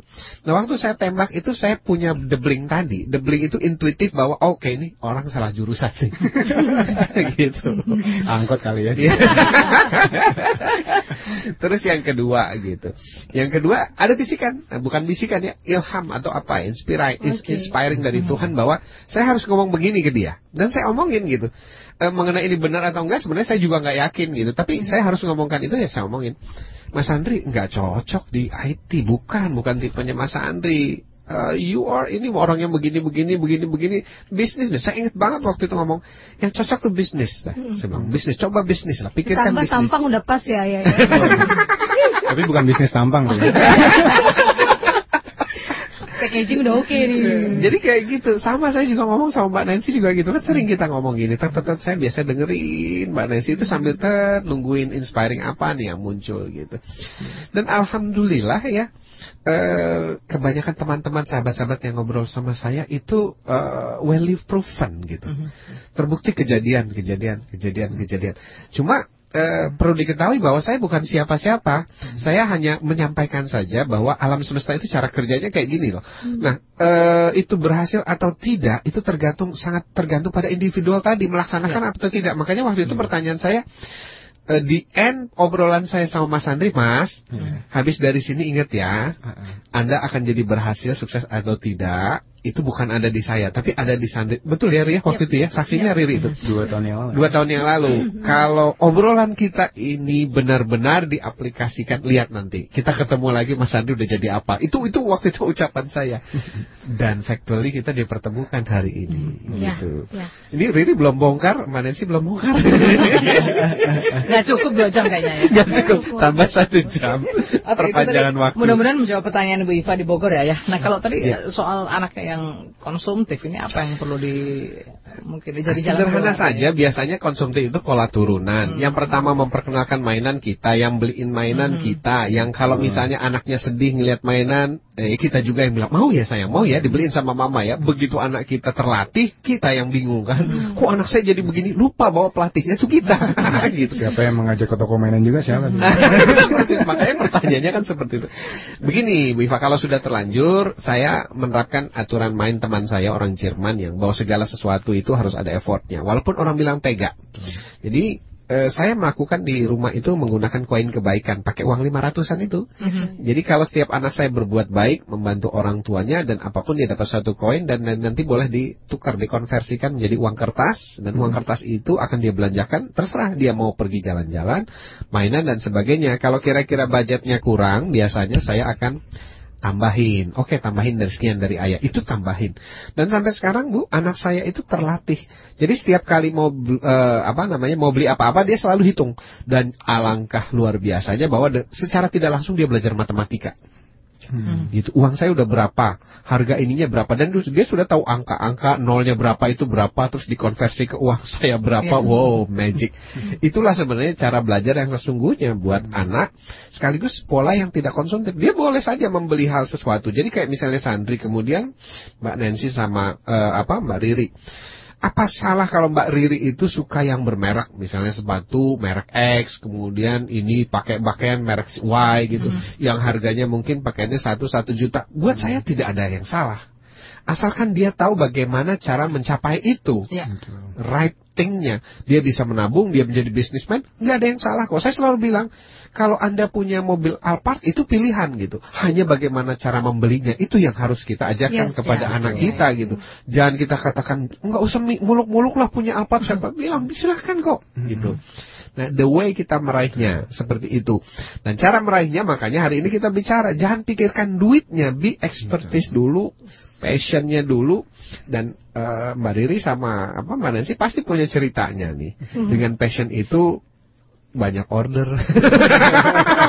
saya, saya satu hal juga sebetulnya yeah. belajar secara tidak langsung ayah uh. ini dengan uh, Mbak Nancy gitu ya. Yeah. Ini disadari atau tidak, saya kalau lihat gini, Mbak Nancy ini sebetulnya kan di Smart FM uh, eh, apa malam gitu ya. Mm -hmm. Saya tahu kegiatan beliau dari pagi sampai sore itu sudah di kan di di, di kantor yang lain begitu ya. Nah, uh, yang saya bingung Mbak Nancy itu sudah sudah dengan capek. Luar biasa semua. Tapi kalau ngelihat Mike ini dia bisa senyum loh. Mike ya saya Mike. rasa jangan-jangan bukan di sana passionnya. Udah, udah tahu jawabannya ya. saya, saya, saya mohon maaf nih Mbak Desi tapi saya ngeliat Mbak Desi itu happy gitu. Apalagi kalau udah acara country acara ayah Edi gitu ya. Hmm aduh saya ngeliat oh ini ya. Padahal sebetulnya kalau ngukur fisik gitu ya kita kan capek banget kerja dari pagi gitu ya. Iya, ini inilah yang sebetulnya dinamakan passion akhirnya sampai dengan jam 10 masih standby siaran gitu. Masih oke. Okay. masih oke. okay. oh iya benar benar ya, itu benar yang ayah bilang tadi ya bukan hanya sekedar tadi happy tapi kita totalitas kita totalitas, ada di situ. ya. jadi expert. Karena kan ada waktu ada kesempatan ada jam terbang ya. Hmm. itu kan membuat kita akhirnya betul-betul ini ya ya mendapatkan kesempatan juga dipercaya. Dan saya juga punya beberapa mimpi-mimpi yang kecil katakanlah waktu itu wah seru juga nih ya kalau saya waktu itu saya masih siaran di di Makassar ya di Makassar gimana ya. caranya saya bisa disiarkan uh, saya bisa siaran dan didengarkan oleh begitu banyak ya, begitu orang di Indonesia di ya. Indonesia dan hmm. bukan hanya sekedar saya ingin didengarkan tetapi apa yang saya bawakan bersama narasumber itu menjadi banyak inspirasi hmm. begitu itu kan luar biasa ya. Tuhan jawab akhirnya saya ada di Jakarta seperti itu lalu di saat yang lain saya juga berpikir kenapa enggak ya gimana sih caranya bisa nge-MC jadi MC protokoler katakanlah ke, ke negaraan begitu. Hmm. Apakah harus di istana atau di mana? Tapi gimana caranya upaya itu? Jadi ada mimpi-mimpi kecil keinginan saya untuk bisa sampai ke sana dan alhamdulillah itu sudah kesampaian juga ya. ya. Saya sudah uh, apa namanya dipercaya waktu itu dipilih untuk menjadi salah satu MC di depan uh, orang nomor satu Indonesia begitu. Luar biasa. Uh, dahsyat, itu pengalaman yang luar biasa. Banyak MC juga tuh. benar, benar, benar. Itu doa dari Mike juga tuh. Tapi uh, Riri sangat sepakat yang tadi Ayah bilang bahwa found your happiness kemudian totalitas dan juga jadi hebat karena Sound Acre juga uh, itu juga berkata ketika kita happy, justru orang-orang yang happy itu meningkat tajam mm -hmm. uh, karir dan segala sesuatunya lebih cepat ketimbang orang yang sebetulnya dari awal tuh udah terpaksa mm -hmm. gitu kan, mm -hmm. udah lesung, aduh nggak enak banget gitu. Gimana rezeki? Kalau kita kan kebetulan mm -hmm. saya muslim ya, gimana kita rezeki mau nempel ke kita nyamper mau dekat gitu, gitu ya? Kalau kita semrawut muka sungut gitu kan, nggak akan nyamper gitu kayaknya. Ya bi biasanya begini ya, biasanya begini. Waktu saya bicara gitu sama Mbak Nancy atau Mas Andri atau Mbak Riri, biasanya saya punya kekhawatiran begini. Ini yang saya sampaikan salah nggak? Karena saya kan bicara tentang masa depan, ya. masa depan mereka gitu. Uh -huh. Salah ucapan mereka, maka masa depannya bisa salah juga kan, bisa ya. berantakan. Nah, eh, akhirnya saya mendalami yang namanya eh, hukum-hukum alam semesta. Hukum-hukum alam semesta ini ada di semua ajaran agama. Uh mhm. -huh. Kalau di Islam itu masuknya ke ma'rifat. Yeah. Nah, e, ternyata begini ceritanya itu. Boleh percaya, boleh enggak. Tapi inilah yang saya lakukan gitu. Dan beberapa orang yang konsultasi sama saya ya alhamdulillah luar biasa nggak pakai lama-lama loh. Dengan ilmu ngeblingnya itu. Ya. Iya. Jadi ternyata begini, Tuhan itu waktu kita mau lahir ya, kita tuh sebenarnya sudah punya agreement sama Tuhan. Oh. Udah ada MOU Saya jadi gitu ya. perbincangan ya? kita di Cito saya. kita sudah punya agreement makanya agreementnya Mbak Nancy apa sama Tuhan? Agreementnya Sandri apa? Agreementnya Riri apa? Okay. Aku turun nih mau apa? Mau apa? Mau apa? Mau hmm. apa? Ya, itu udah detail sekali. Yeah. Nah, agreement itu terlupakan pada saat kita lahir, kemudian ingat kembali pada saat anak-anak sampai besar. Ingat hmm. lagi tuh, ingat lagi. Cuma ter, ter apa tertimbun oleh tradisi tadi. Kamu jangan jadi broadcaster, aduh hidupnya bakal susah. Kamu jangan menjadi pendidik, hmm. Wah, susah lah pokoknya itu darah kering dan sebagainya. Ini semua orang kan bilang begitu yeah, kan. Yeah, yeah, Dulu saya dipanggilnya kan Edi gila gitu. Ngapain masuk ke dunia pendidikan gitu? Iya, iya. Mau makan apa lo katanya. Iya. Nah, e, ternyata yang yang sesungguhnya terjadi begini. Waktu Sandri deal sama Tuhan, waktu Mbak Nancy deal sama Tuhan, e, Riri deal sama Tuhan, oke okay ya, kata Tuhan, deal ya kita ya, kamu turun mau jadi ini. Nah, kebanyakan kita kan ngambil jalur-jalur beresiko. Bisnis itu sangat beresiko. Kemudian Riri beresiko, Mbak Nancy beresiko merantau ya, cewek. Tapi ternyata Ri, waktu kita deal sama Tuhan, itu kan deal sebuah rencana perjalanan. Ya. Nah ternyata waktu kita deal itu sudah dipersiapkan kita bakal makan siangnya di mana, ngisi bensinnya hmm. di mana, kemudian dapat rezekinya di mana, siapa yang ngasih di mana. Jadi itu seperti jalurnya, termasuk misalnya jalurnya apakah lewat Cipularang atau lewat Puncak. Hmm. Nah karena dulu deal kita sama Tuhan lewat Cipularang, maka semua persiapannya ada di Cipularang. Begitu kita nyasar ke Puncak, kayaknya susah bener dapetinnya gitu. Hmm. Makanya waktu Riri tadi mengatakan semua jalan sepertinya terbuka. Nah, hmm, itu adalah yang saya yakini dan saya sampaikan waktu itu sama Riri. Hmm. Coba Riri, kuatkan nyali kamu, ambil ini. Lakukan ini. Karena saya tahu bahwa kalau passion dia kuat di sana tuh Mbak Nancy, hmm. itu semuanya udah well prepare sama Tuhan. Hmm. Nah nanti akan dibuka nih di detik ini ketemu siapa. Ingat gak ucapan saya waktu itu? Nanti kamu akan ketemu siapa di detik ini. Ini itu juga sama sama Mbak Nancy. Ini akan ketemu siapa. Dan itu seperti apa ya bawang dikupas satu-satu. Ya, ya. Seperti itu. Nah, waktu kita benar-benar menekuni itu, entahlah apa yang terjadi. Semesta itu akan menghadirkan orang-orang yang kita butuhkan, momen-momen yang kita butuhkan uangnya akan hadir uh mhm. -huh. juga, kesempatannya akan hadir. Kalau misalnya uangnya nggak hadir, dapatnya gratis. Wah, itu aja. Ada aja ya. ya. Sampai bingung nolaknya ya. Oke. Tapi kita juga deal nih ayah ya dengan aku juga ya. Dan ke mana-mana kita sudah kelebihan satu menit kita lewatkan dulu beberapa pesan berikut dan tetap bersama kami bersama Ayah Edi dan juga para narasumber yang luar biasa di Indonesian Strong From Home. Smart FM, The Spirit of Indonesia masih berbagi inspirasi yang luar biasa. Uh, tentunya di Indonesian Strong From Home. Dan untuk Anda yang ingin uh, ngobrol dengan kita di line telepon, silahkan kita buka kembali kesempatan. Kita juga masih bersama Ayah Edi, ada Riri Arta Kusuma dan juga Sandri sebagai tamu tamu-tamu spesial kita malam hari ini. Ayah, tadi kita masih punya PR dari Bu Hemi ya di Pekanbaru. Ini kan uh, tautan usia anak yang cukup jauh, lalu juga posisi salah satu orang tua yang harusnya juga memberikan nilai-nilai ini jauh. Nah, ini apa upaya kita dalam hal tadi ingin memberikan memberikan uh, pendidikan yang terbaik ya? Pertama begini ya, uh, pendidikan itu terbagi dua, pendidikan formal dan pola asuh. Nah, kita akan mengerucut ke pola asuh. Pola asuh yang baik buat anak itu seperti apa? Nah, pola asuh yang baik itu saya sudah tuangkan bu di buku-buku saya. Itu ada tujuh buku ya bu ya uh, ibu nanti bisa lihat di websitenya di www. Paling nggak belajar dari buku yang terakhir ya ya. Oke. Okay. Oh banyak ya, sekali di situ. Ayah ya. Edi menjawab. Yes. Ya gitu. Saya bawa satu nanti bisa dihadiahkan ke ibu, insya mhm. Allah. -huh. Nah, uh, kemudian kalau dari buku itu telah belajar bagaimana tekniknya, tapi teknik adalah cara saja, tidak memberikan tujuan. Teknik itu tidak memberikan tujuan. Teknik itu adalah cara yang benar melakukan. Nah sekarang yang lebih penting adalah nanti kalau suami ibu pulang, obrolan yang pertama harus dibahas adalah kita mau bawa ke mana nih tujuan rumah tangga kita. Arahnya, mau ke barat, mau ke timur. Nah nilai-nilai itu yang harus dibahas. Nilai-nilai penting saya dulu pernah bilang sama Sandi bikin 10 poin hal yang paling penting buat kamu. Oh, iya. Betul. Betul ya, masih ingat ya? Itu masih saya terpam saya pampang di kamar saya ya. Belum iya. hilang. Iya, 10 poin yang paling penting dalam hidup kamu, maka itu akan kejadian. Nah, kalau misalnya itu tidak punya, maka gampang kita punya keluarga ini mau dibawa ke mana begitu. Ambil contoh, e, suami ibu di luar kota, ibu di sini. Nah, itu harus didiskus sampai berapa tahun kita akan begini supaya harus jelas gitu. Karena Tuhan akan mengabulkan definisi kita, akan mengabulkan rencana kita. Nah kalau kita nggak membuat itu semakin jelas, Tuhan mau mengabulkan apa? Kan Tuhan itu mengabulkan doa. Rencana itu adalah doa. Ya. Action itu adalah doa yang dilakukan. Uh mhm. -huh. Nah seperti itu. Jadi Uh, perjelaslah tujuan ibu, bicaralah sama suami, oke, okay. hal-hal apa saja yang selama ini menjadi unek-unek ibu sampaikan, ayo kita mau bawa arah ke mana. Uh, dalam sistem uh, pendidikan yang saya anut, tidak penting apakah laki-laki atau perempuan yang memulai.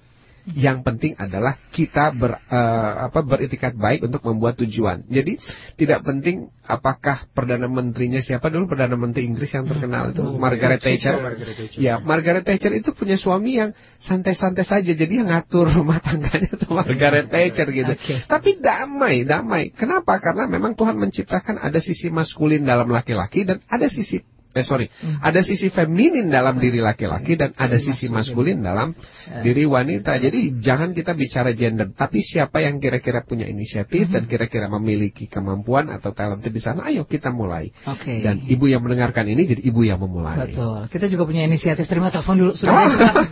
Halo, selamat malam, Smart FM. Malam Mbak Nancy. Selamat malam Pak. Dari siapa di mana? Oh, dari Tobita Makassar. Pak Tobita. ya. kehidupan Mbak Boleh. Silakan Pak Tobita. Benar Mbak Nancy ini. Masih kemarin-kemarin waktu di Makassar ini masih langsing nih. suaranya, suaranya. Oh gitu ya. Sekarang juga masih langsing. Suaranya masih lagi. Karena dia udah bawa sahabat ibu lah kata dia. Okay. Pak Bongsor itu uh, ah. sambil langsing bisa Pak. Pak Top itu boleh langsung Pak ke okay. bahan diskusinya. Iya jadi ini Pak uh, Mbak Riri. Iya. Mbak Riri malam. Iya selamat malam Pak. Ah Mbak Riri tidak lebih cantik dari yang lainnya, cuma sedikit lebih ceria. Pas oh. ini dengan rohnya Smart FM, ah, penuh kebebasan, keberanian, kegembiraan. Ini sharing bagus banget ini malam. Hmm. Okay. Nah, Mas Andi malam. Iya, malam Pak. Sehat. Sehat. Ayah ini malam Pak. Malam Pak, luar biasa Pak saya Pak. Iya, ini ternyata uh, alam sekitar mendukung banget ini dengan ekspos ini para anak-anaknya ini. Uh, teman-temannya ah, Pak, gitu. Pak Tobita nanti ajak teman-teman di Makassar dengan siaran ulangnya Mi. itu ada ceria itu kayak ini Mariri itu ternyata dia dari lulusan ini pada gurun ya Oh, iya, iya. Politik Timur Tengah ya. Ah, itu. sudah ditempa kebanyakan saya ceria banget kalau akan cara yang tegang-tegang enak banget. Oke, okay. terima kasih Bapak. Itu saja, Pak. Saya Edi. Iya. Saya Edi. Iya. Kemarin kan saya punya cucu pertama. Iya. Oh, cucu Nah, pertama. menerapkan ilmunya kayak Edi. Iya. Jadi dia namanya baru dua tahun. Iya. Aku sudah pesan semua anggota keluarga Mm-mm. jangan jangan takut sama dia. Mm-mm. Ah, ah, jadi kalau manjat-manjat, pada dari cara pegangnya. Mhm. Mm-mm. Pokoknya nggak boleh takut lah. Oh, Bapak rupanya pendengar setia acara kita juga ini ya. Sudah lama. Kayak Edi. Iya. Cuman pengen aku punya anak kecil gak bisa lagi kan. iya, nunggu cucu, Baik. nunggu cucu nih. Iya, nunggu cucu ya. Baik, Pak Nah, Tirta. dapat nih dari Iya. Surabaya ke Makassar sini Baik, dapat Pak. nih. Mhm. Nah itu. Iya. Jadi seakan-akan memang anak kecil itu cuma mengatakan kepada kita keluarga, Mm-mm. kamu diam aja, ngasih contoh biar aku yang cerewet katanya begitu. Oh, oke, Nah itu bahasanya itu. Baik, Pak Tobita. Jadi aja, terima, Terima Ya, kasih waktunya, sharingnya juga luar Ya, biasa. alam-alam. Ya, Ya, selamat terima malam. kasih, Pak. Salam buat keluarga. Kita ke penelpon berikutnya. Baik. Terima kasih sudah sabar menunggu ya. Selamat malam, Suara Bang. Halo, selamat malam. Selamat malam dari siapa di mana Bapak? Boleh kecilkan sedikit Ya, volumenya. Assalamualaikum. Waalaikumsalam dari Pak Ya, siapa? saya dengan Lili, Bu. Di mana Selamat Pak? malam. Eh, di, di Serpong. Oh di Serpong. Silakan Pak. Ya. Ya ini salam kenal buat saya Edi. Oh iya, Ya. salam kenal Saya pemerhati eh, apa ini talk show-nya saya Edi. Ya. Sekaligus ya bedah bukunya Mbak Nancy Mhm. Yang kebetulan saya juga sering dapat hadiahnya nih. Oh begitu.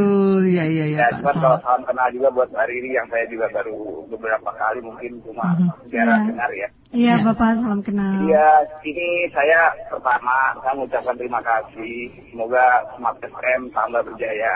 Amin, Amin, amin. Ya, karena ini uh, sebagai inspirator baik pembicaranya, narasumbernya, sampai ini kalau saya boleh cerita boleh nggak ya ya? Iya. Ini sedikit ya. Jadi uh, apa yang dikatakan tadi ini saya dari perjalanan sejak dari daerah luar kota sampai Jakarta ini pendengar nih ternyata nih. Hmm. Uh, ini uh, dulu saya itu sebagai pekerja, Ya. terus uh, saya membuka usaha itu ragu-ragu, Mhm. Uh, tidak ada support yang kuat, walaupun kita secara secara totali sudah ingin gitu ya. Iya. Tapi ternyata inspirator-inspirator seperti Tung Desem, Andri Wongso dan Mhm. ya itu termasuk uh, Dr. Bayu dan itu membuat saya lebih lebih yakin bahwa ini uh, kayaknya di sini uh, memang kalau saya nggak mencoba bahaya juga nih gitu. Hmm.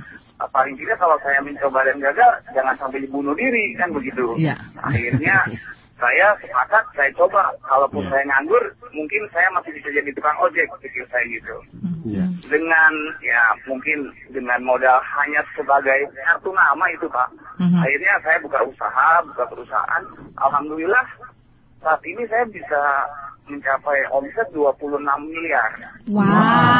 ya dalam usaha Kompak. saya ya kebetulan saya dalam waktu lima tahun enam tahun ini Mhm.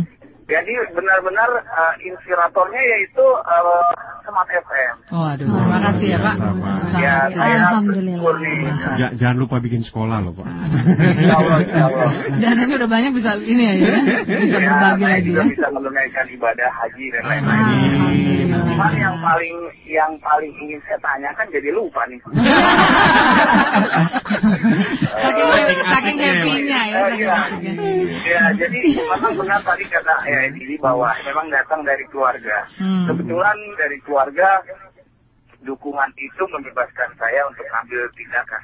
Cuman yang hampir saya jadi ada sedikit masukan atau ini pertanyaan buat saya. Hmm. Saya akhirnya dulu begini, ini jurusan yang saya ambil bidang kuliah ini adalah jurusan yang saya benci. Iya. jurusan yang saya benci. Iya, terima kasih Pak atas kejujurannya. Ya, terus tadi berkaitan dengan doa, eh, istilahnya intinya intinya ibadah adalah doa, Iya. kan begitu ya. Iya, betul. Ketika saya berdoa, sampai maaf aja waktu itu Ayadi, saya eh, uh, sampai bingung nyari jurusan, mm-hmm. semua orang saya tanya. Mm-hmm. nah, tapi setiap kali yang saya tanya, itu selalu kasih jurusan yang saya benci. Akhirnya saya kebetulan ada orang buta, maksudnya rabun gitu ya rabun, mm-hmm. mau nelpon, mm-hmm. kemudian dia nggak nggak bisa uh, apa namanya nomornya saya saya tanya, bapak mau nelpon ke mana? Saya mau nelpon anak saya yang rumahnya Pondok Indah. Wah bapaknya modelnya kayak begini kok rumahnya buat indah pikir saya gitu ya. Anak saya baru selesai sarjana hukum. Wah kebetulan pak sini saya pencetin dulu deh gitu kan. Setelah saya pencetin ternyata dia saya tanya juga. Kamu kalau mau nanya saya lihat nggak jam saya kata dia begitu kan. Ternyata dia jamnya di di Nagra. Wah ini kantor kepresidenan nih kebetulan saya bilang. Pak ke depannya itu bidang apa yang cocok buat uh, kita ambil kata dia mesin. Hmm. Terus selain okay. mesin apa lagi pak? Mesin. Selain mesin pak, mesin. Waduh. Terus mesin akhirnya, apa gitu ya? Ya mesin ya. Kalau elektro bagaimana pak? Ya mesin dan elektro. Waduh saya bilang mesin dan elektro itu kan dua-duanya saya nggak saya sukai gitu. saya dengan terpaksa saya bicara sama orang tua saya, Bu, arsitek saya tidak ambil, jadi saya ngambil elektro dan komputer saya tinggalin karena bikin mata saya rusak. Sampai sekarang jadi saya kacamata gara-gara itu. Baik. Akhirnya Pak, hmm Sekarang ini jadi artinya jadi kebiasaan saya dan saya bisnisnya bidangnya itu. Mm. Nah sekarang saya dengan dengan latar belakang yang ya artinya udahlah saya ikut aturan uh, alam. Mm-hmm. Saya harus ambil itu, ya. saya doa, berdoa. Sekarang jadi lebih sukses ya Pak? Akhirnya, alhamdulillah dengan supportnya Smart FM, ya. saya ikut terbantu. Ya. Baik. Nah, wow. terima kasih Pak Lilis. Ya. Ya. Masih itu gimana mengenai yang saya percaya bahwa uh, bisnis adalah suatu kebiasaan. Oke. Okay. Apakah ini bagian dari support atau bagian dari uh, apa namanya kita bilang jalan menuju sesuatu yang lebih Baik, Pak. gitu. Karena saya tahunya jadi Baik, Pak kebiasaan saya gitu. Baik, ya. Pak Lili. Terima kasih, ya. Pak, sharingnya. Luar biasa sekali. Nanti kita akan coba diskusikan uh, tentunya selepas beberapa pesan berikut. Begitu juga dengan tadi Pak Tobita ya sharing beliau bahwa uh, banyak inspirasi yang bisa didapatkan dari beberapa program yang didengarkan dan terutama tadi dari Indonesian Strong From Home. Tetap bersama kami. Terima kasih untuk beberapa penanya tadi yang sudah bergabung di line telepon ada uh, Robi, ada Bu Iva, ada Bu Emi dan ada Pak Tobita juga ada Pak Lili ya. Wah ceritanya luar biasa ya ya. Kayaknya kurang gitu kalau cuma dikasih kesempatan beberapa menit begitu. Tapi kalau kita boleh uh, belajar dari pengalaman Pak Tobita yang uh, mendapatkan banyak inspirasi dan juga dari Pak Lili. Ini apa sih ayah yang bisa kita gali dan juga kita pelajari dari beliau berdua dari sisi yang lebih uh, positif ya? Yang pertama Pak Tobita bercerita tentang cucu, berarti beliau sudah uh, di kelasnya mungkin di atas saya, gitu secara hmm. senioritas. Hmm. Nah, satu hal yang kita bisa pelajari atau kita bisa ambil hikmahnya dari beliau, belajar itu tanpa batas. Jadi berapapun usianya kita masih bisa terus belajar. Terus yang kedua, kita bisa belajar dari siapa pun, Pak. Atau kita tidak melihat mungkin saya lebih muda dari dia dan sebagainya dan sebagainya. Orang yang punya pemikiran terbuka ini orang yang cepat maju gitu karena biasanya bottleneck dari kesuksesan itu adalah pemikiran kita sendiri. Yep. Pada saat Riri bilangnya ya ini bener nggak sih ini dia valid dia valid nggak sih ngomong gitu dulu dia siapa sih ini gitu. Ya kalau udah mulai itu yang muncul maka lama tuh nanti suksesnya gitu. Tapi begitu pulang terus applied Nah, biasanya cepat hitungannya. Kalau dalam rumusnya dari teman-teman uh, Chinese, saya dulu belajar itu nggak lebih dari lima tahun. Makanya oh. dulu hmm. saya prediksikan waktu itu kalau Sandri, ini ucapan saya, saya masih ingat kok sama Sandri itu. Kalau Sandri misalnya kerja keras banget, nah itu sekitar dua tahunan. Hmm. Tapi kalau sedang-sedang saya saja itu sekitar lima tahunan. Tapi kalau relax banget sepuluh tahun, saya bilang gitu. Dan ternyata dua tahun ya. Iya. Riri tiga tahun ya. Iya. nah, jadi eh, decide yourself, Mak Nancy pun gitu, decide yourself gitu. Nah kira-kira seperti itu. Uh, dan ternyata bahwa uh, banyak orang-orang yang sudah tersadarkan mungkin seperti Pak Todita ini termasuk dulu parenting-parenting ibu-ibu yang ikut parenting saya hmm. itu banyak yang pengen punya anak lagi makanya that's a great blessing bahwa Riri kemudian uh, Sandri dan Mbak Nancy mendengarkan acara ini sebelum punya momongan kan luar biasa ya amin, amin. amin. Uh, banyak orang yang sampai begini loh, Ri, udah sampai pengen punya anak lagi. sebelum menikah udah denger duluan ya. Ayah kalau dari Pak Lili tadi kan eh, beliau bilang ini jurusan yang sebenarnya ditekuni sekarang adalah jurusan yang yang tidak disukai seperti yeah. itu. Nah, ini sebenarnya kalau kita melihat apakah itu dari yang memang kita nggak suka atau justru sebetulnya kita melihat di balik itu adalah passion kita. Begini, Mbak. Uh, alam semesta itu punya rumus rumus sukses materi ya, bukan hmm. rumus sukses bahagia. Yeah. Nah, kalau kita kejar materi, maka dapatnya materi. Tapi kalau kita kejar bahagia, dapat bahagia dan hmm. materinya. Nah, kalau kita menekuti sesuatu bidang yang kita tidak sukai, itu seperti kita bertani. Ya. Bertani itu selama kita ikuti hukumnya misalnya yang pertama membajak, hmm. kemudian yang kedua menyemai, yang ketiga menanam, kemudian memupuk, menunggu dan memanen. Hanya kan masalahnya tergantung yang ditanam apa gitu. Kalau yeah. yang ditanam padi panennya padi gitu. Nah sekarang makanan pokok kita apa? Padi. Uh-huh. Terus kemudian yang kita tanam misalnya gandum. Kita suruh makan gandum kan nggak cocok. Ya walaupun tubuh ini bisa menerima, tapi happinessnya nggak ada di sana. Yeah. Gambarannya kira-kira seperti itu. Hmm. Nah siapa pun bisa sukses. Tokoh yang paling kontroversial kalau kita bicara masalah sukses materi saja itu nggak nggak lebih kontroversial Michael Jackson. Yeah. Hmm. Kurang gimana sih dia? Apanya emas. Kalau kita bicara Michael Jackson punya terbuat dari emas, piringan hitamnya emas, semuanya emas gitu. Kehidupannya bergelimang hmm. harta dan emas. Tapi kalau kita bicara kehidupan batinnya, coba kita lihat pelecehan seksual ini, itu dan sebagainya sampai di hmm. titik terakhir. Ya. Menjelang hidupnya pun dia drag. Nah, nggak mungkin kan orang bahagia menggunakan drug gitu. Hmm. Nah, coba kita perhatikan. Nah, jadi di sini kita punya pilihan. Apakah kita mau sukses jalurnya materi atau kita mau sukses jalurnya bahagia? Dan boleh dibuktikan. Saya sudah membuktikan duluan ya eh, terhadap diri saya. Saya jadikan eksperimen diri saya. Kalau kita starting from happiness, maka semua yang membuat kita happy itu akan ketarik. Apa sih unsur yang bikin orang happy? Banyak uang. Ya. Uang akan ketarik. Ya.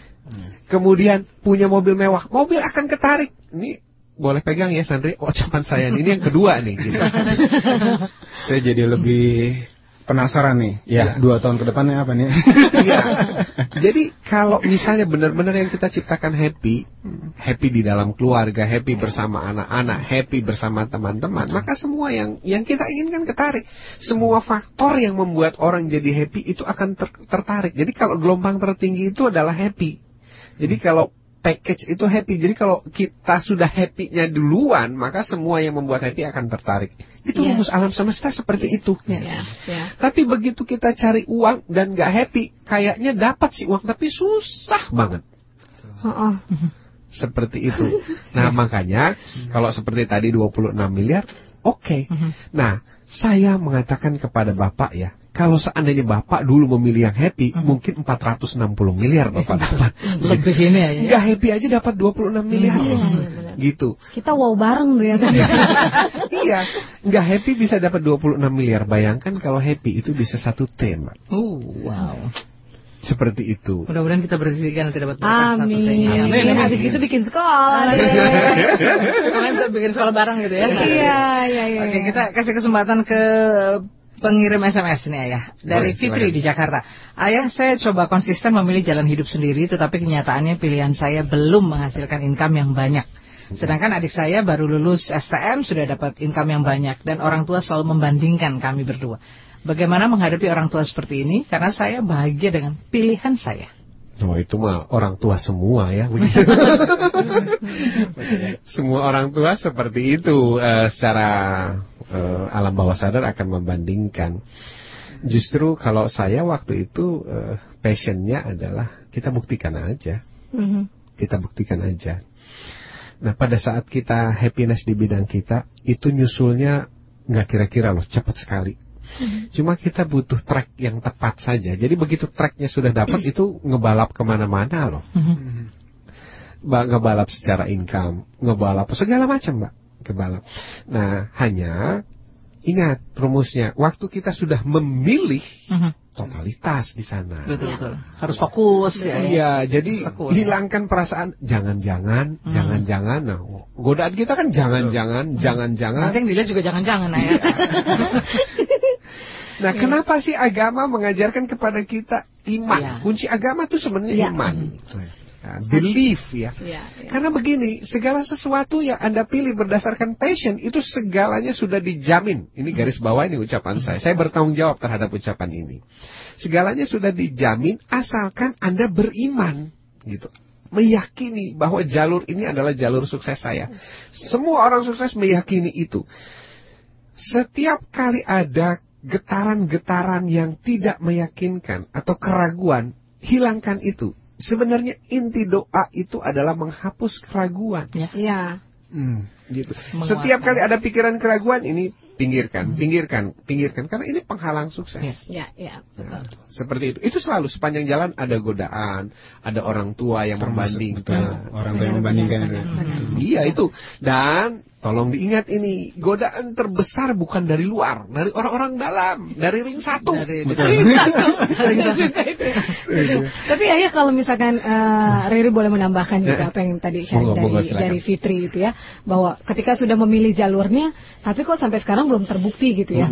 Uh, kalau uh, based on my experience aja yeah. gitu ya. Tapi uh. ketika kita punya passion ya, itu yang kita yakini. Yeah. Kemudian kita coba asal dengan kompetensi kita. Mm -hmm. Artinya nggak sekedar oh saya pengen jadi broadcaster passion enggak mm enggak sebatas itu. Mm. tapi kemudian kita belajar Bagaimana sih untuk menjadi sang expert gitu kan? Kemudian bagaimana kita harus bisa quote in quote ya memarteng memarketingkan diri kita sendiri sebetulnya bahwa membuktikan sell ourselves ya. Yes, gitu bahwa sebetulnya kita tuh mampu. Karena ketika passion itu nggak didukung dengan sebuah pembelajaran yang baik, emang juga nggak akan jadi apa-apa juga kalau menurut ya. saya, kalau menurut saya. Betul. Menurut saya. Jadi jadi passion itu juga harus didukung dengan tidak hanya mengimani sebaik-baiknya gitu ya dengan kita bilis tadi, karena juga Tuhan kan bilang saya bagaimana prasangka hamba saya gitu kan. Tapi juga harus memang kita punya effort yang sangat luar biasa untuk membuktikan dan bertanggung jawab dengan mengasah kompetensi kita. Nah, itu bahasa Tuhannya adalah aku tidak akan mengubah nasibmu kalau Sebelum kamu sendiri ya, kamu mengubah nasibmu iya, sendiri. Ketika kita punya passion dan mengimani itu, try do your best gitu yeah, loh. Kalau yeah. kalau ya saya sudah memilih jalan hidup saya, uh, saya suka sebatas itu aja nggak cukup kalau hmm. menurut saya.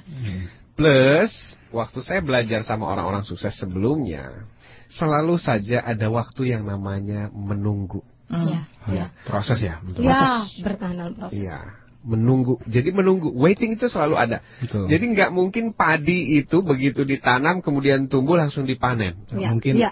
salah satunya itu yang sekarang lagi mungkin ya gangguan hmm. kita tuh sekarang itu ya apa budaya instan. Ah, nah itu, itu mungkin ya. racunnya itu ya. Yang, yang pertama tim... memang dari kecil sudah dikasih minum betul. susu instan.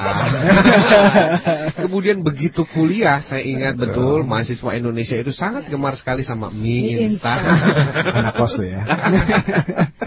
oh ya, sebenarnya Fitri udah berada di jalur yang benar. Iya, tinggal, memang jadi harus tekun tadi ya ya, dan juga harus mau berproses. Karena sebetulnya yang indah itu di prosesnya. Kalau nanti itu uh, uh, apa namanya hasilnya yang kita dapatkan itu luar biasa itu aksesoris yang diberikan yeah, Tuhan yeah. untuk kita atas proses-proses yang sudah kita lalui. Bonus. Saya sudah Betul. melalui proses-proses itu nanti sampai pada satu waktu dan itu luar biasa dia. Ya, ya uh, kondisi itu persis seperti orang pernah naik gunung ya. Kalau kita yeah. pernah naik gunung nih, oh. hiking naik gunung. Hmm Wih itu waktu hikingnya bukan main tuh capeknya, lemesnya, uh, hausnya. Tapi begitu di puncak, atas, wow. ngelihat ke bawah, uh, ya Tuhan. Indah, Tapi ya. kalau memang kita ya tadi nyambung uh. untuk nambahin tadi Mbak Fitri ya. Ya. Itu kalau memang kita udah bisa menemukan uh, tadi pilihan kita, di situ ada kebahagiaan. Nah, palingnya kalau kita menemukan masalah tadi, salah satunya kendala adalah orang tua yang membandingkan atau kondisi apalagi di luar di situ justru kalau kita udah menemukan kebaikan, justru itu kita berpikir positif dengan sendirinya. Dalam arti seharusnya ya kalau memang kita udah menemukan passion dan kebahagiaan dalam arti gini, oh oke okay, saya buktikan, nah oke okay, saya akan jalan ini semua dan suatu saat akan buktikan itu iya. sebagai pemicu. Nah cara nggak otomatis jangan begitu ada masalah satu, oh ya benar nggak ya benar. Nah itu berpikir-pikir lagi oh, tadi. Jangan nah, itu, jangan meragukan kita. Betul. Gitu ya, Jadi setiap ada kendala Cobalah itu jadi sebuah tantangan untuk kita. Persis. Jadi doa ya. dan mudah-mudahan nanti menjadi hal yang positif sehingga iya, keluarga iya, akhirnya punya energi yang baik juga pada kita ya. Ya, ya nanti Kak, uh. nanti kalau udah sukses ya semuanya silent kok. Benar. Jamin ya. tapi tapi kalau udah di menit-menit begini saya nggak boleh silent. udah, udah ngasih tanda saya break break dulu ya. Tapi jangan ke mana-mana kami akan segera kembali untuk anda selepas beberapa pesan berikut ini. Dari tema kita, jangan ajari anak e, cari uang, tapi ajarilah agar uang mencari dia. Dan ada tadi satu rumus yang menarik dari Ayadi bahwa ketika kita uh, happy, kita akan total, maka kita akan jadi expert, dan akhirnya money will follow ya. Ya, yeah. ya jadi ini Marcel di balik papan ingin uh, sharing aja katanya hal singkat ya to be, to do, and to have. Jadi yakin dulu bahwa kita mampu melakukannya dan percaya bahwa nanti Tuhan akan bantu kita untuk uh, prosesnya ya ya. Maka kita akan bisa melakukan yang terbaik dan nanti akan ujung-ujungnya juga akan diberikan uh, aksesoris yang indah begitu oleh Tuhan hadiah-hadiah yang indah dan luar biasa.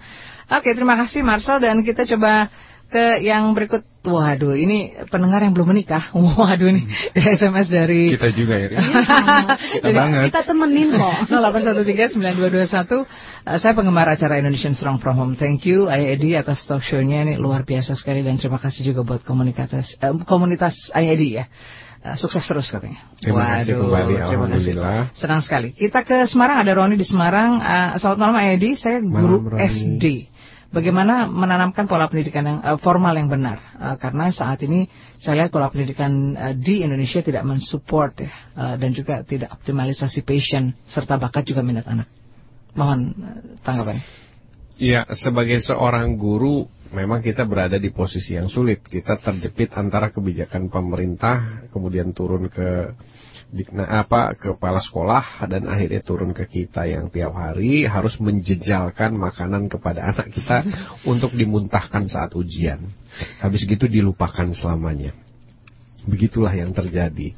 Jadi kalau misalnya kita berada di kondisi sulit seperti ini karena saya juga guru Pak, begini sajalah. Kita nggak usah pusing-pusing, pikirkan gimana jadi guru yang disukai anak-anak. Guru yang favorit. Karena kalau kita favorit, kita akan menjadi problem solver, kemudian pemecah masalah dan anak-anak enjoy saja begitu. Mm -hmm. Sama seperti Tiger Woods waktu diwawancarai oleh sebuah majalah dia bilang, "Oh, kerja keras Anda luar biasa ya yang sehingga menghasilkan Anda menjadi juara dunia." Terus Tiger Woods bilang, "Kerja keras apa? Saya nggak pernah merasa kerja keras. Saya cuma enjoy bermain kok." nah, enjoy my life, enjoy bermain dan sebagainya. Nah, kalau orang bilang saya setiap hari latihan, saya tidak merasa kerja keras itu. Itu justru adalah kebahagiaan buat saya. Dan dari ini semualah akhirnya semua datang kepada saya. Itu ucapan Tiger Woods waktu itu. Jadi sebenarnya kerja keras itu hanya terasa waktu kita nggak menyukai pekerjaan itu. Iya gitu. Hmm. Waktu kita menyukai pekerjaan itu seperti Riri suka di broadcast dan sebagainya, nggak ada kerja keras kok. Ya. ya ada, saya makin happy melakukan hmm. ini gitu. Jadi kalau saya bilang saya bekerja keras, oh berarti dia nggak nggak happy itu. Belum, dia belum happy ya. Ya, ya ada bekerja nikmat ya. ya bekerja, bekerja nikmat. nikmat. Nah itu dia. Betul Bukan keras tapi cerdas. Cerdas, cerdas kerja nikmat. nikmat yes. gitu. Kita lanjut lagi ke SMS berikut. Ini dari 0856 5235 dan seterusnya. Anak saya pandai ayah seorang lelaki dan sekarang sudah di SMU. Tapi saya kurang mampu. Nah, ke mana saya harus mengarahkan dia? Oh ya, ke beasiswa. Hmm. Jawabannya singkat. Dan ya. sekarang banyak kok pemberi beasiswa. Ah, coba-coba tolong cerita Mbak Penerima beasiswa. Ya. Penerima oh. beasiswa. Oh, penerima beasiswa atau pemberi beasiswa? dua-duanya, dua-duanya. Karena uh, uh, bukan suatu yang kebetulan juga. Kalau iya. saya bicara dengan Bu Nancy harus hati-hati redaksional. Ini sertifikat juga nih soalnya. Jadi uh, saya bersama komunitas dari Care for Education, saya bersama teman-teman mendirikan hmm. orang-orang yang memang berusaha untuk peduli hmm. dengan pendidikan dengan cara yang mungkin mengikuti jalur-jalur seperti yang kita uh, kami contoh dari Ayah Edi, Pak Munif Hatip, orang-orang yang sangat inspiring. Kami juga alhamdulillah uh, memberikan beasiswa, tapi itu uh, baru sekitar untuk uh, SD lah ya. Kalau kita bilang maksudnya yang masih terjangkau lah. Kalau sudah kuliah kita masih give up gitu karena kita masih baru. Mudah-mudahan kalau misalkan ini gabung aja di komunitas Care for Education, uh, mungkin di situ ada solusinya. Uh, mudah-mudahan kita kita effort untuk bisa bantu, insya Allah kita bantu. Termasuk ya, yang punya 26 miliar, yang yeah. punya satu triliun. Oh itu malah kewajiban. yang mau kontribut, yeah. tinggal hubungi Riri gitu ya. Oh, Saat, uh, Alhamdulillah, ya walaupun belum banyak, tapi uh, kita sudah uh, ada dua orang yang kita bantu mm -hmm. gitu kan untuk melanjutkan yang satu ke pesantren mm -hmm.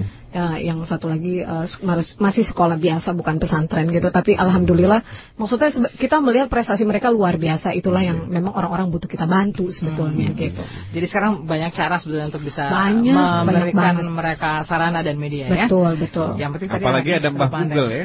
Oh, iya, iya, iya. Google benar, benar benar. Tadi kan sudah pandai nah tinggal cari keunikannya apa mudah-mudahan nanti juga bisa terjawab ya dengan beasiswa yeah, yang ada. yeah. kita beri kesempatan yang berikut uh, masih ada waktu dari siapakah yang berikut ini? Oh, dari Mardatun, Ayah Edi sejak SMA saya sudah punya passion uh, yang ditentang ortu, hmm. tapi akhirnya diperbolehkan. Saya sekarang sudah happy dengan pilihan saya secara finansial hmm. maupun mental di uh, sosial. Tapi ibu saya tidak bangga dengan profesi saya karena keinginan ibu saya saya jadi PNS. Ini yang kadang bikin saya sedih. Jadi ketawanya jangan keras-keras. Iya, iya. Gak, gak, gak, iya, iya. PNS juga manusia. Iya, iya, iya. iya. Gimana tuh ayah? Silakan, Coba kenapa paradigma orang tua tuh PNS semua gitu ya ayah ya? Uh, begini, begini, Rik, begini, begini.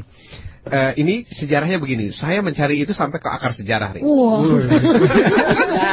ya. Ternyata itu di empat lah ya. Iya, ternyata itu dimulai zaman Belanda katanya, Rik. Oh. oh. Ya. Udah dari dulu ya. Kita wow bareng, wow bareng.